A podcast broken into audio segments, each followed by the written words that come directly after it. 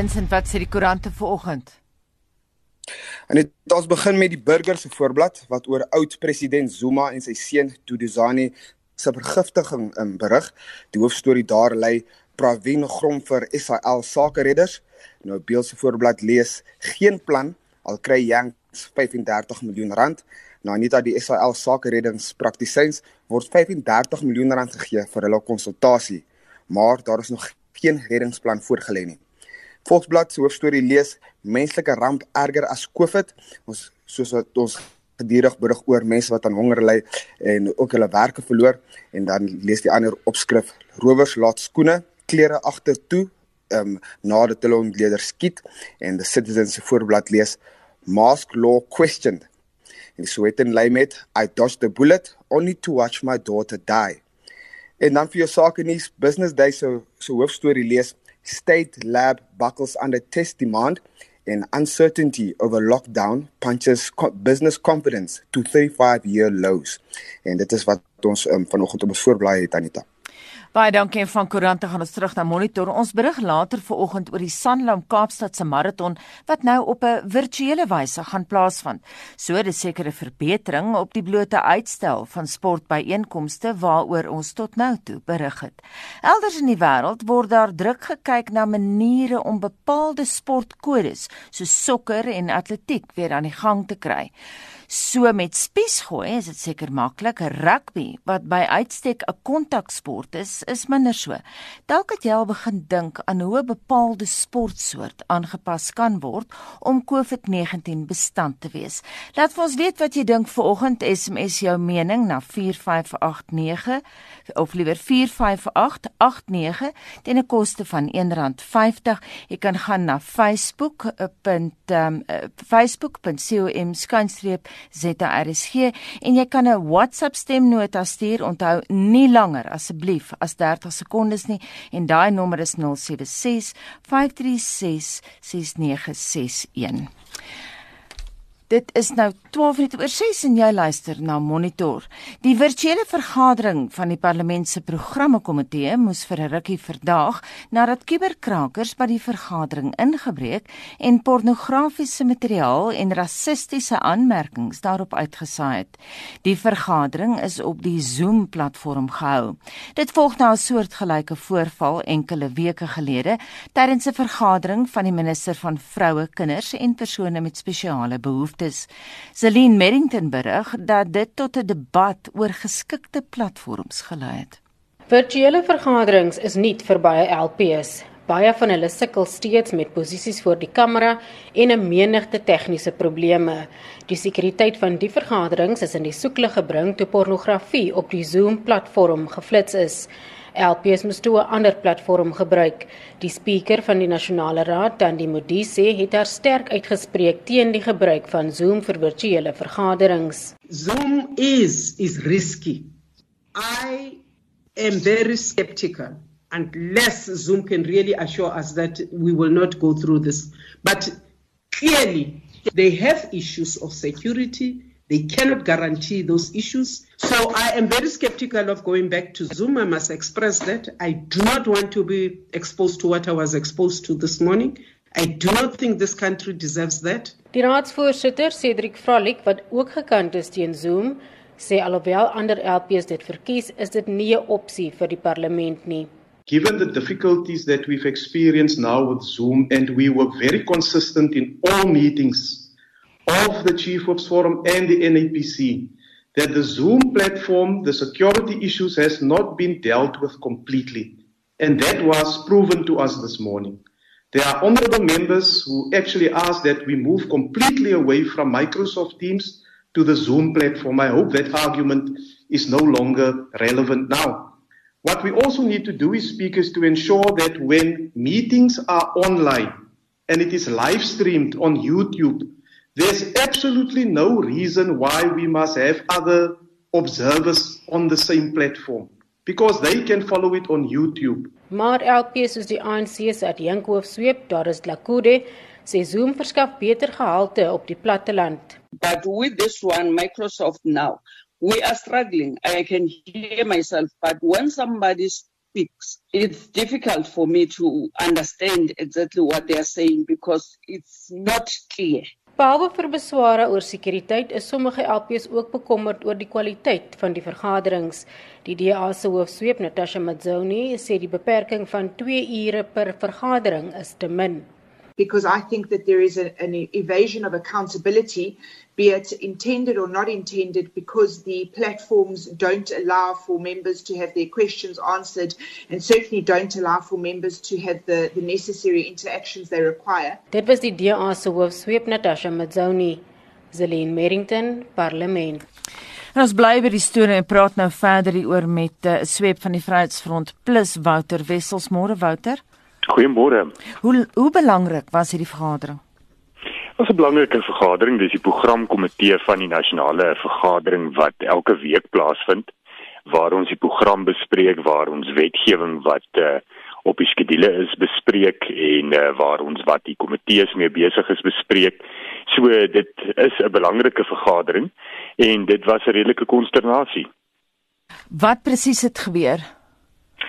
Wel ons het net net begin. Ehm um, ons het so omtrent half 9 of 20 voor 9 begin inskakel al die lede en uh, daar was gekyk dat almal op is en dat almal reg is en uh, soos wat julle inset so nou gesê dit is maar nog steeds 'n gesukkel met 'n virtuele vergadering en daar's baie lede wat sukkel met hulle sein en tegniese probleme het en sukkel om die kamera aan te kry, sukkel om die mikrofoon af te kry of aan te kry. So dit is ingewikkeld en uh, dit is alles half uitgesorteer. Die spreker het stiptelik om 9uur begin en uh, daar's gevra vir verskonings en na verskonings is daar aangegaan met die uh, vasstel van die agenda Naren Singh van die IFP het gepraat en toe het uh, Natasha Mazoni begin praat van die DA om sekere punte op die agenda te sit en terwyl sy praat toe het hierdie beeldmateriaal pornografiese pornografiese beeldmateriaal verskyn. Dit was skokkend en uh, niemand het geweet wat aangaan nie. Dit was 'n redelike skok en 'n konsternasie en uh, toe uh, toe gaan dit aan. Um, en niemand het geweet wat om te doen nie. Die tegniese personeel het nie geweet wat om te doen nie. Die vergadering mense het probeer om die vergadering te beëindig maar toe gaan dit aan en dit het nie net opgehou nie. Dit het 'n hele paar beeld uh, weet uh, beelde versend en uh, ook 'n klomp uh, klankmateriaal en aanmerkings rassistiese aanmerkings gemaak in daardie stadium. Wouter het 'n laaste vraag. Hoe ervaar parlementslede virtuele vergaderings oor die algemeen Wel dis ingewikkeld. Ehm um, dis belangrik dat ons ons oorsigrol nog steeds moet kan vertolk, maar dit word moeilik gemaak daardeur en dit is ook 'n uh, baie beperkte tyd. Ons het slegs 2 ure en meeste van die vergaderings is ook gesamentlike vergaderings van die gekose komitees van die NRP en van die nasionale vergaderings se staande komitees of portefeulje komitees wat maak dat uh, na die voorlegging van 'n departement daar soveel lede is wat vra wil vra dat ons nooit daarby uitkom nie dat ons nooit eintlik by antwoorde van die departemente uitkom nie. So dis ingewikkeld. Jy weet wat die platforms betref Anita, ehm um, daar daar word nou baie gepraat oor die fout lê by Zoom en die fout lê by uh Microsoft Teams op die fout lê waar ook al. Feit van die saak wel is dat die parlement sal moet kyk na hoe hy hierdie vergaderings opstel. Maak nie saak wat se platform hy gebruik nie. Die sekuriteit aan sy kant moet reg wees dit uh, die Zoom vergadering was nie gister reg opgestel nie. Dit was nie 'n privaat vergadering nie. Dit was met 'n skakel uitgestuur en enigiemand kon daardie skakel kry. Ook is die parlement verantwoordelik veral met Zoom is daar eers 'n wagkamer waar almal wat in die vergadering toegelaat word goedgekeur moet word en eintlik skakel Zoom uit dat daar mense kan wees wat wat hierdie tipe goed kan doen en uh, die die verantwoordelikheid is op op die amptenary van die parlement om seker te maak dat hierdie tipe goed nie gebeur nie. Baie dankie en so sê Wouter Wessels van die Vryheidsfront Plus en ons bly by die storie en praat nou met 'n kuberveiligheidskenner Jacques van Heerden. Hy is van 'n tegnologiefirma GTSP. Jacques, jy het nou na daai onderhoud geluister. Jou eerste reaksie. Goeiemôre almal.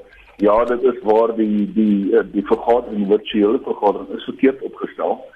Uh dit is maar 'n probleem aan die tegniese kant daai, want ehm um, daar is 'n ding soos wagkamers wat hulle kan gebruik en dan wanneer 'n persoon inskakel, al het die die link nou gelek, soos wat hy wou gesê het, hy hy's uitgestuur oor 'n klomp ander e-mailadresse byvoorbeeld. al het hy link uitgelek, gaan die persoon steeds in 'n wagkamer in en dan die host of die fasiliteerder van die van die vergadering kan dan op die allow knoppie klik om daai persoon in die vergadering in te trek. So jou host in daai vergadering van gister was net nie ehm um, ehm um, hoe kan ek sê wakker gewees om hierdie goeie te sien gebeur nie. En selfs om so 'n persoon uit die meeting uit te skop is weer eens baie maklik. Kyk net op hoe jy sê genoeg van 'n meeting. Uh -huh. Maar ook weer eens weer eens soos ek sê die meeting is reg opgedaag wees en ons paswoord sou wat ek kan gebruik vir dit.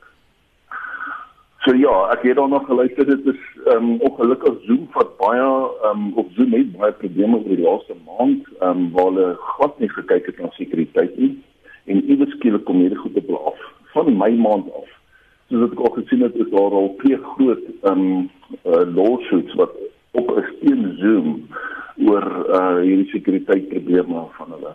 Jacques, wat is die alternatief? Enige idees? Ja, kyk ons baie alternatiewe daar buite. 'n Mens moet basies kyk wat soek jy uit 'n virtuele vergadering uit. Want baie mense sê nou, ehm um, ja, um, Microsoft Teams werk werk byvoorbeeld nie vir ons en dat ons kan nie ons hande opsteek of so iets nie. Ons ons al ons het 'n goedjies. Ons moet basies gaan kyk wat soek jy. Daar is baie ander so die, die grootste probleem hier sou is die aantal mense wat in 'n vergadering kan wees op die vrye platform. Zoom is die eerste een wat gesê het, okay, 100 mense. So ons kan 100 mense uit um, 'n meeting hou met 100 mense op die gratis platform en dit is hoe hulle nou um, nommer nou nie nommer 1 geword het nie maar hulle het 'n baie populêre platform op die oomblik. Maar daar is ook 'n alternatief met die naam WebEx. Uh WebEx is ook gratis en hy gee ook 100 mense die kapasiteit om 'n vergadering te hou. Daar is 'n bietjie ehm um, limitasies op daardie platform maar weer eens 'n baie bekende platform en 'n baie veilige platform ook. Ek sien baie mense gebruik Microsoft Teams ook. Net Een van die grootste dinge wat wat Zoom ook nou pla is die privacy issue van mense se privaat inligting wat uitgelek het of wat wat die hof sou sê Zoom verkoop private inligting van die user na Facebook toe. En dit is dis 'n ding wat nou lank op pla hierdie van Zoom wat hulle nie reggemaak het nie. Daar is security features wat ook nie reggemaak is nie. So ongelukkig Zoom was 'n bietjie agter gewees wanneer dit kom by die sekuriteit en die regmaak daarvan en hulle het 'n baie groot skade aan hulle aan hulle ehm um, identiteit gemaak of aan die platform gemaak. En ek sien hulle baie mense weer Zoom gaan gebruik in die toekoms en dan die daai reputasie skade sal reeds gebruik. Ons is 'n firma wat ook al reeds oorgeskuif na WebEx toe, ehm um, gebruik WebEx vir dit ehm um, veiliger die features wat Zoom nou eens inbring, is al reeds in WebEx. Ek het ook 'n Zoom platform wat ek wel gebruik Ehm um, en wanneer ek 'n meeting hou op Zoom, ek sit almal in 'n wagkamer in en wanneer die mense dan in die wagkamer inkom, sal ek dan op die knoppie klik en dan sal hulle inkom. So ja, Zoom is sleg en Zoom het nou baie lelike ding veroorsaak in die parlement wat verstaanbaar is. Maar mense moet verstaan, soos wat Bert ook gesê het, dis nie net die platform se skuld nie, dis ook die mense se skuld wat wat hy 'n meeting gekonfigureer het. En daai selfde argument gaan vir al die ander platforms ook. As jou meeting nie reg opgestel is nie, as jy nie die sekuriteit toepas op jou meetings nie, dan gaan jy dieselfde probleme kry aan ander meetings of op ander platforms ook. Baie dankie. Dit dan die mening van Jacques van Heeren. Hy is 'n sekuriteitskenner en etiese kraker by die tegnologiefirma GTSP.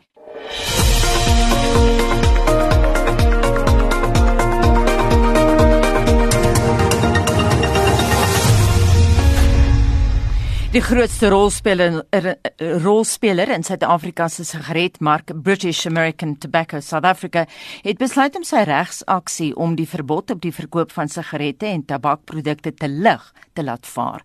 Patsa sê hy gaan vereers samesprekings met die regering voortsit. Die besluit is aangekondig 'n dag voordat die president gister gesê het sigaretmaatskappye mag voortaan tabakprodukte ver vervaardig en uitvoer. Esie de Klerk het meer bizar en onreëlmatig. Dit is hoe British American Tobacco Suid-Afrika aan die begin van Mei die regering se besluit beskryf het om die verbod op die verkoop van sigarette en tabakprodukte op vlak 4 van die land se inperking voort te sit. Met sowat 11 miljoen rokers in Suid-Afrika was Batsa aanvanklik vuur en vlam om die saak in die hof te beveg. Rokers was goed die Josie in nadat die minister van Samewerkende Regering en Tradisionele Sake, Dr Nkosazana Dlamini Zuma, die aand voor die inperking van vlak 5 na vlak 4 aangepas is, aangekondig het sigarette en tabakprodukte word ook nie tydens die vlak 4 inperking verkoop nie. Dit was in direkte teenstelling met wat president Cyril Ramaphosa net 6 dae voor dit gesê het. Die regering is uit vele oorde skerp hiervoor gekritiseer. In president Ramaphosa se weeklikse brief het hy maandag gesê die besluit om die verbod te verleng is gemaak na deeglike oorweging en bespreking met die bevelraad en dat die besluit eenparig was. Ramaphosa sê verder elke maatreël wat ingestel word, word deeglik oorweeg en dat dit beter is om eerder versigtig op te tree as om in die toekoms 'n prys te betaal vir 'n oordeelsfout. 2 dae na hierdie brief het Batsa in 'n skielike ommekeer aangedui hy het die regsaksie laat vaar en gaan eerder verdere samesprekings met die regering voer.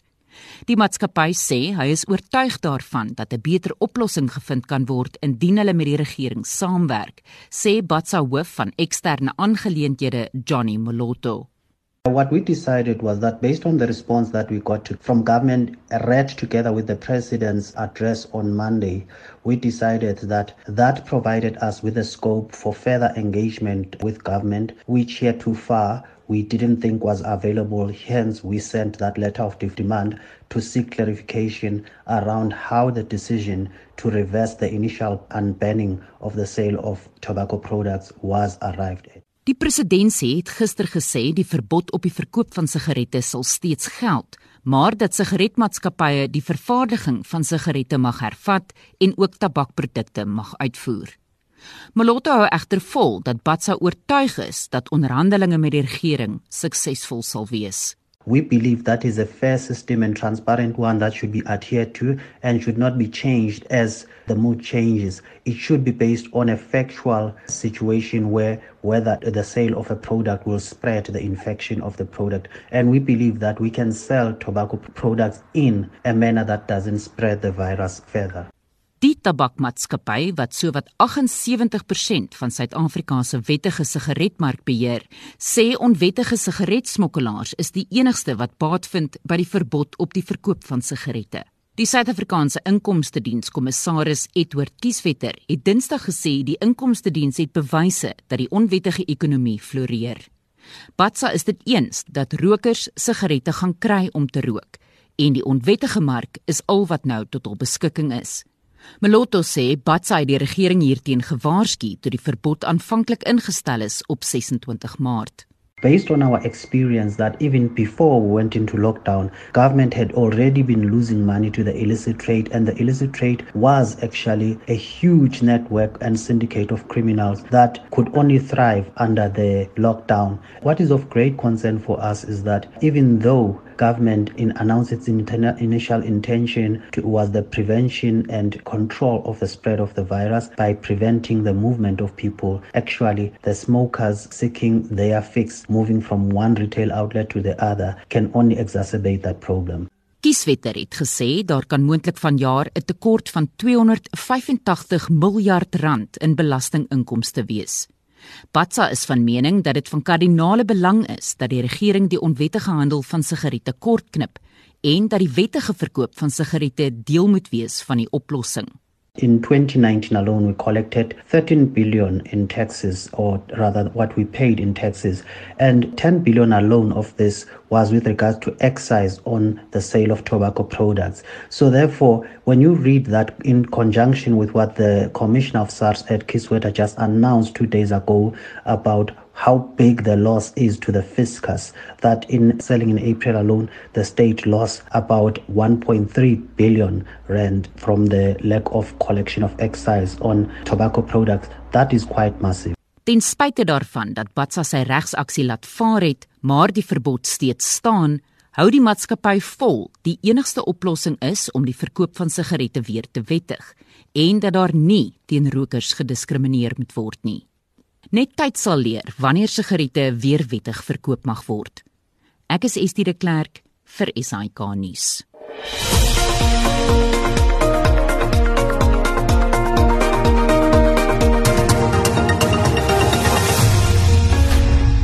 Vincent, het jy interessante terugvoer van die luisteraars? Anita, ons het nogal interessante terugvoer van die luisteraars. Ek wil net uh, byvoeg hierso dat jy weet dat aanlyn se sport Anita vir sedert Januarie met 80% ver, um, verhoog het um wêreldwyd oh. en dit is dit bring die e-gaming um industrie uh, inkomste van 1,1 miljard dollar sover sedert Januarie. Maar vandag berig ons oor die Sanlam Kaapstad eh, maraton wat nou op 'n virtuele wyse gaan plaasvind. Ons sal later uitvind hoe hulle dit gaan regkry. Maar elders in die wêreld word daar druk gekyk na maniere om bepaalde sportsoorte soos sokker en atletiek weer aan die gang te kry.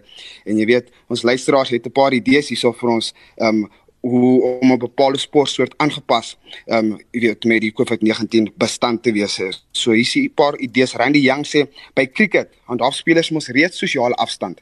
Hulle moet net nie die val van die paaltjies vier nie. Ja, wat gaan hulle begin 'n klap.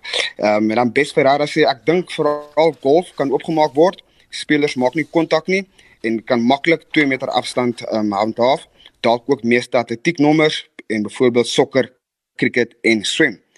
Fanny van Vieren sê, wonder wat gaan gebeur met die strande nou dat die polisie die surfers so arresteer. Gaan ons ooit weer strand toe mag gaan? Dit is ook 'n sport. Nou moet ons dink, hoe gaan ons um, in die huis surf Anita, né? En Jonathan Botha sê tennis handhaaf, tennis handhaaf 'n redelike afstand tussen die spelers wat ook 'n goeie idee is. En dan Miriam direk sê, almal moet sport doen, whatever, good for immunity, good for morale dalk bietjie wag met drukkies en swentjies. Dit is sy raad daar van Miriam Derrick en dit klink my hy is 'n dokter. Maar hier is die mees interessantste wat ek sover het Anita van Cha, van Charlene Keiser wat sê almal kan begin onder water hokkie speel. Virus oorleef seker nie in water nie, nee, sy sit 'n vraagteken daar. Ons sal seker maar met uitvind of hierdie virus nie in die water kan ehm um, ehm um, survive nie. Maar hierso, julle kan verder vir ons julle kommentaar stuur. Geef vir ons julle ehm um, idees oor dalk het jy al begin dink aan hoe om 'n bepaalde sportsoort aangepas te word om COVID-19 bestand te wees. So deel jou idees, stuur vir ons SMS na 45889 teen R1.50 per SMS of deel jou mening op facebook.com vorentoe skynstreep ZRSG. Ons wil ook graag van julle hoor, so stuur julle stemnotas na 076 536 6961 en hou daai stemnota so 30 sekondes lank. 638 ons beweeg na die sportveld met Shaun Jooste. In rugby nuus, die Nieu-Seelandse eerste minister, Jacinda Ardern, het aangekondig dat rugby netbalwedstryde van Nieu-Seeland se COVID-19 vlak 2 inperkings hervat kan word.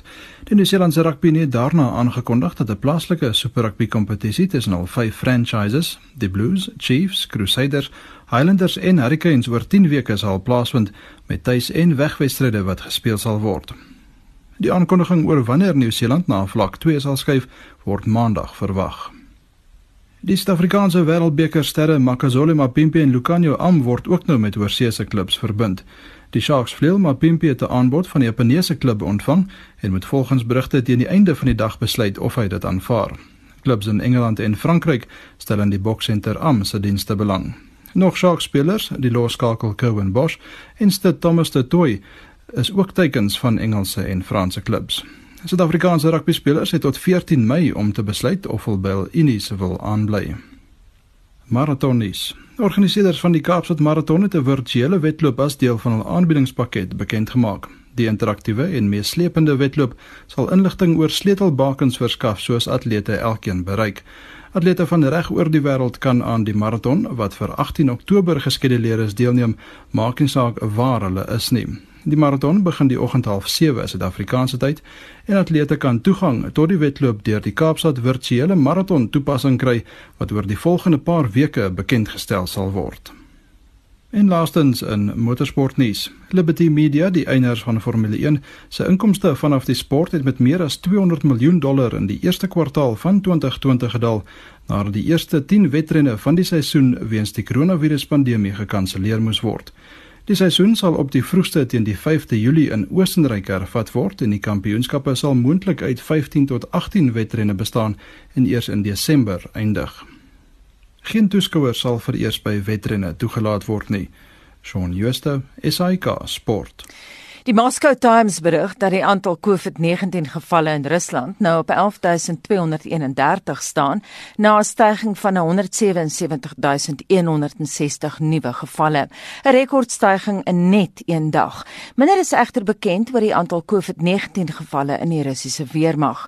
Die Russiese departement van verdediging berig van dese week dat daar 1200 soldate is wat positief vir die virus getoets het, maar dat daar oor hoofs 3000 koronagevalle is. Hoe moet 'n mens die syfers interpreteer? Ons praat ver oggend met professor Abel Esterhuise van die Universiteit Stellenbosch se fakulteit Kragskunde. Môre Abel? Goeiemôre Anita.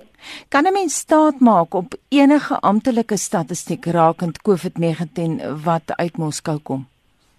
Ehm um, Ja, dis nog 'n goeie vraag. Ons het hierdie week gesien hoe hulle beweeg van 'n amptelike ontkenning dat daar enige positiewe gevalle in die gewapende magte is na die hmm. rapportering van hulle eerste gevalle na die aankondiging dat sekere van die weermag onderdele onder kwarantyne is. Ehm um, wat vir my interessant is hier dat Putin probeer te alle tye 'n beeld voorhou van eerlikheid rondom die krisis en dat die regering alles doen ehm um, om om dit te hanteer.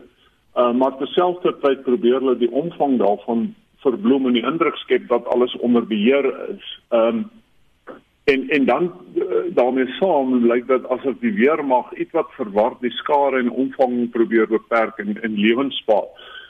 Wat vir my kommerwekkend is oor Rusland, ehm um, ons sit met drie probleme wat inspel op mekaar. Die een is 'n uh, 'n autokratiese regering wat relatief uh, besorg is oor watter inligting na die buitewêreld toe uitgaan. Ons sit met 'n weermag wat oor die algemeen ook redelik sekuriteitsbewus is en inligting probeer beperk wat uitgaan na die buiteland toe. En dan in die Russiese samelewing sit ons met 'n samelewing wat nie krities ingestel is uh, teenoor inligting en veral inligting wat uit die regering en uit die weermag na vore kom nie. En daai drie faktore maak dit baie baie moeilik om regtig te verstaan uh die omvang van die probleem in die Russiese gewapende magte. Um ek kan net byvoeg dat ons moet verstaan die Russiese weermag beskik oor 'n geweldige vermoë om wel 'n bydrae te kan maak in die eh, bevegting van die C19 krisis. Ehm um, en ja, jy gaan sekere vrae vra oor die dokters wat in Italië was. Ja. Ehm um, die die probleem met met die Russiese weermag natuurlik, hulle het, hulle het ehm um, dokters in Italië gehad. Ehm um, en hulle het ook dokters in in in ander dele in Europa gehad. Ehm um, en in Afrika so uh, en daardie mense is nou besig om terug te kom huis toe en natuurlik weet ons nie ehm um, wat die kanse is 'n mens sal aanneem dat hulle daardie daardie mense redelik toets maar jy weet nie wat die kanse is dat die dat die virus teruggebring word uh Rusland toe nie. Kom ons kyk gou na China wat al deur die EU beskuldig is van disinformation and targeted conspiracy narratives. Sou mens enige idee kon vorm van hoeveel soldate daar COVID-19 het? Ehm um, in hulle geval dink ek dis dis nogal omvangryk want want uh, daar's 'n paar kritiese aanduidings ehm um, die een is dat dat Wuhan wat die die die episenter was van die krisis 'n baie groot logistieke basis vir die die People's Liberation Army in in China is. En dit is 'n baie groot kommunikasieknooppunt vir die vir die PLA en daar's 'n baie groot militêre industriële kompleks in in die stad self. So daar's geweldige baie ehm um, wapenvervaardigende instellings uh, in die stad. So daar's 'n geweldige teenwoordigheid uh in Wuhan en en ek kan my nie indink dat uh die die Chinese weermag nie op groot skaal geaffekteer is deur die krisis nie. En mense moet ook onthou dat die Chinese weermag omvattend aangewend is in die bekamping van die krisis. Uh, tevens hulle was op die voorpunt uh, met die bou van hospitale Ehm um, so ek dink regtig ons sit ook maar weer eens dis baie moeilik om die omvang daarvan te bepaal want jy het nie toegang tot inligting nie. Nou ander deel van die wêreld Turkye is besig om een van die brandpunte van COVID-19 te word. Wat van hulle weermag? Wel, ons weet dat Turkye die beweging van magte in Sirië ingeperk het as gevolg van die C19 pandemie. Uh ons weet ook dat die Turkye weermag, Turkse weermag weier om aan te dui hoeveel van sy magte getoets is en en wat die voorkoms daarvan is. Ehm um, die interessantheid is dat Turkye aangedui het dat sy operasionele vermoë nie deur die pandemie uh geraak is nie. Ehm um, en dan interessant, uh die die Turkse weermag is besig om grootskaalse hulp te verleen in die, uh, Europa en Afrika in die bevegting van die pandemie. Ons het hierdie week gesien dat hulle hulle hulp uh, invlieg Suid-Afrika toe ook. Ehm um, en en weer eens is toegang tot inligting oor die voorkoms daarvan in weermagte 'n probleem want in in Turkye het ons gesien dat die regering baie hard opgetree het teen uh, enige inligting verspreiding selfs op sosiale media raak in uh, raak in uh, die die C19 krisis. So weer eens rondom die voorkoms daarvan in weermagte is dit is die die die die beskikbaarheid van inligting geweldig problematies. Baie dankie en so sê professor Abel Esterhuise van die Universiteit Stellenbosch se fakulteit Krygskunde op Saldanha. Die aantal COVID-19 infeksies het landwyd 'n hoogtepunt van 8232 bereik met 161 sterfgevalle wat aangeteken is. In die Wes-Kaap is daar volgens die provinsie se aanlyn inligtingbord 4049 gevalle terwyl 76 mense in die provinsie reeds aan die siekte gesterf het.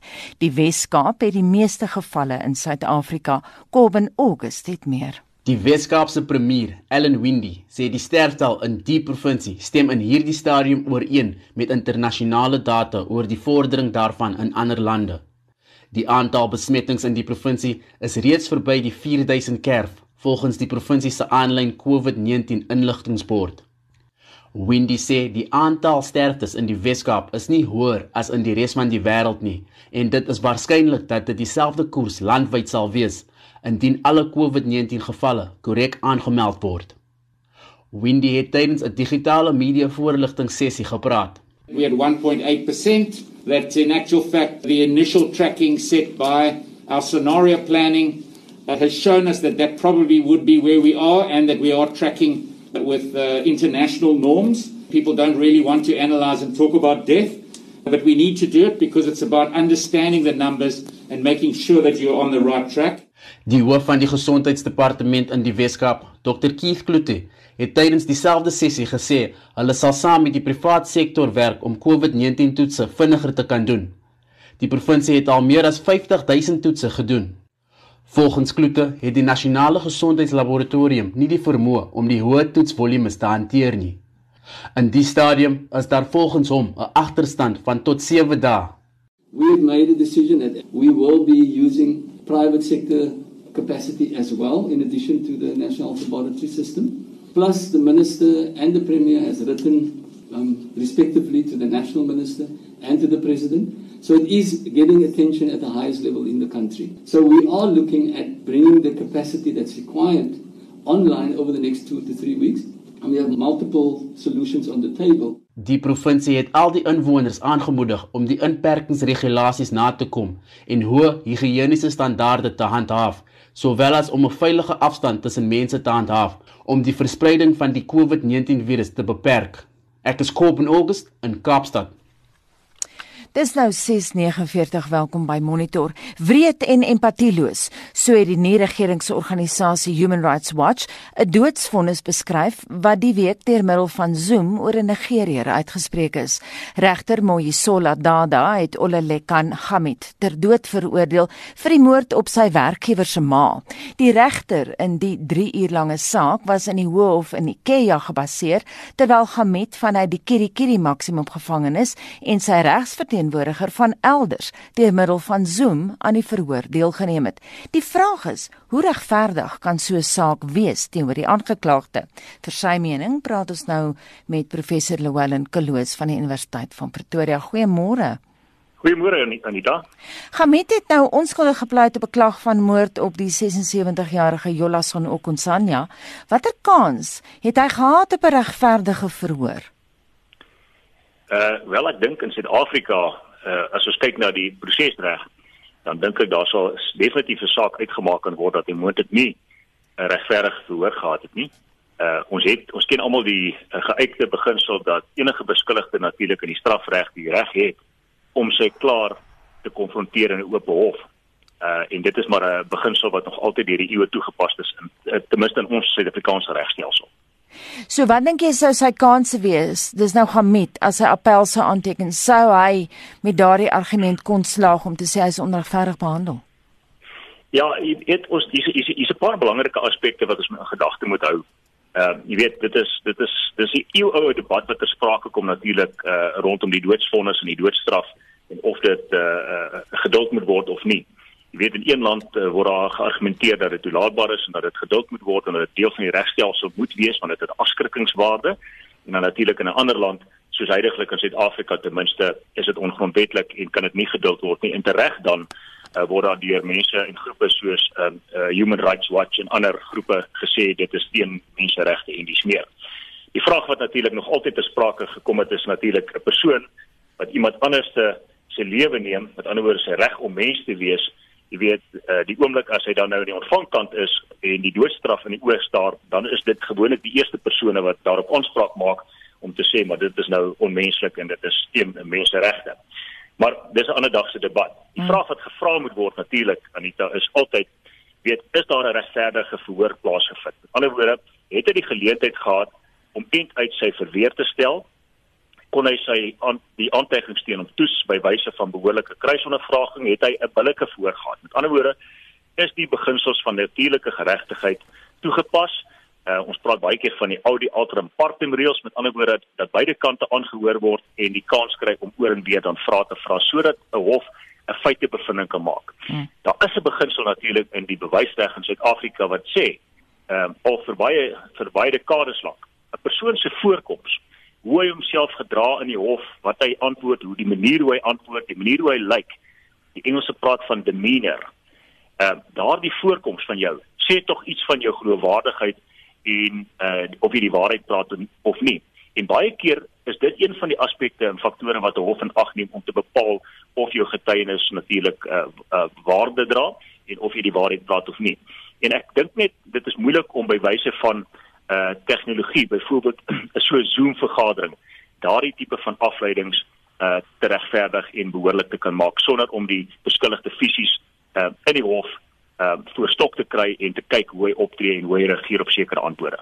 Lewellen, jy is 'n regskenner en 'n praktisyn. Baie Zoom hofsaake vind nou plaas. Hoe ervaar jy hulle? Ehm um, kom ek stel dit so. Daar is natuurlik positiewe en negatiewe aspekte hierso. Uh Zoom en tegnologie is nie 'n nuwe ding nie. Uh ek is bewus daarvan dat uh, byvoorbeeld een van ons bekendste regters, uh, regter Ebert Bertelsmann byvoorbeeld 'n uh, ekspedisie 'n paar jaar gelede gelei het onder andere na ander wêreldmoondhede, uh, ek onthou Singapore en 'n paar ander uh uh eerste wêreldlande om te gaan kyk presies hoe toe, hoe hoe word tegnologie toegepas in ons howe. En met sukses is van daardie beginsels natuurlik uh oorgebring hier na ons toe en ek dink uh, almal is dit eens dat daar definitief sporadies gekyk moet word om in die toekoms al hoe meer van tegnologie gebruik te maak. Uh uit my eie ervaring kan ek vir jou sê daar is al reeds landrooskantore byvoorbeeld ek ek dink in Hielbrau byvoorbeeld in, in in Johannesburg wat al reeds byvoorbeeld uitstelle doen waar mense reeds in die tronk is vir hoorafwagting uh en uitstelle word doodgewoonig uh by wyse van hierdie televisiekameras en en dis meer gedoen. Dit het natuurlik die voordeel dat daar minder ontsnappings gaan plaasvind want ek meen daar's minder menslike hulpbronne betrokke voertuie wat tussen die die tronke en die howe behoort eh, of moet ry um, en kans op ontsnapping is natuurlik dan um, grootendeels uitgeskakel. So ons doen dit al reeds. Ons het ook die ander voorbeeld, byvoorbeeld kindergetuienis wat ons van tyd tot tyd, veral by seksuele misdrywe waar ons met minderjariges te doen het, waar ons tipies nie daardie kind sal doodstel aan die uh, beskuldigde se teenwoordigheid in die hof nie en daardie kind gaan in 'n aparte kamer uh, in veilige omstandighede getuig by wyse van televisiekameras en dies meer. So tegnologie het alreeds inslag gevind in Suid-Afrika. Maar dis 'n ander ding wanneer jy 'n moordverhoor byvoorbeeld by wyse van 'n Zoom uh, vergadering hou. Uh, ons het gister die die uh, voorbeeld gesien in ons parlement. Juis op op die Zoom platform waar daar pornografiese uh uh beelde en so aan uh skielik uit die uh, eensklaps uit die bloute uh, op al die parlementariërs wat deelgeneem het aan daardie vergadering se skerms verskyn het en dit was chaos geweest. Ons kan nie daardie tipe van kuberkrakers natuurlik toelaat om toegang te hê wanneer ons hofsaake het van sulke ernstige uh, uh, uh, aard nie. So dit dis een natuurlik negatiewe ding daarvan. Die ander probleem is natuurlik tegnologie val soms. Dis duur uh om daardie uh, sagte ware natuurlik opgedateer te hou. En ek kan my goed indink in 'n land soos Suid-Afrika waar korrupsie altyd uh jy weet uh, iets is wat ons in ag moet neem. Uh wanneer dit kom by tenderprosesse vir die persone wat hierdie uh tegnologie moet in stand hou, dan kan ek my goed indink dat dit natuurlik natuurlike klomp debatte in die parlement in die toekoms sal veroorsaak. So jy weet daar is daar's baie positiewe dinge en negatiewe dinge en dit is 'n balans wat moet plaasvind en ek dink dit is die antwoord op die vraag. En so sê professor Llewellyn Kloos van die Universiteit van Pretoria. Meer besonderhede is besig om aan die lig te kom oor die ontsnapping van 37 onwettige immigrante uit die Lindela Repatriasiesentrum naby Johannesburg.